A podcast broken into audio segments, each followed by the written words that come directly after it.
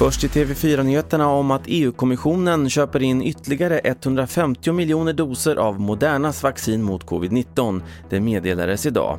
I och med det har EU nu ett avtal om att få sammanlagt 310 miljoner doser av Modernas vaccin under året. Även Pfizer-Biontech gav besked idag om ytterligare doser och förväntas nu leverera runt en halv miljard doser fram till årsskiftet. Vi har den svenska vaccinsamordnaren Richard Bergström. Så vi har ju som, som målsättning att kunna erbjuda vaccin till alla vuxna svenskar före halvårsskiftet. Eh, men det är ju så, det blir mer och mer tydligt att eh, till hösten och nästa år så kommer vi behöva ge vaccin igen. Och Folkhälsomyndigheten rapporterar idag ytterligare 82 dödsfall med bekräftad covid-19 vilket innebär att 12 569 smittade nu har avlidit i Sverige.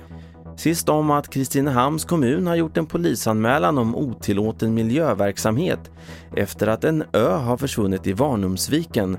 Det rapporterar nya Kristinehamns-Posten.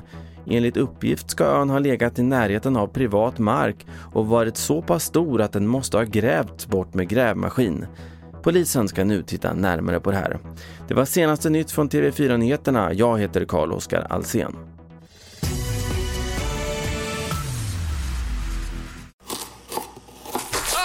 Dåliga vibrationer är att skära av sig tummen i köket.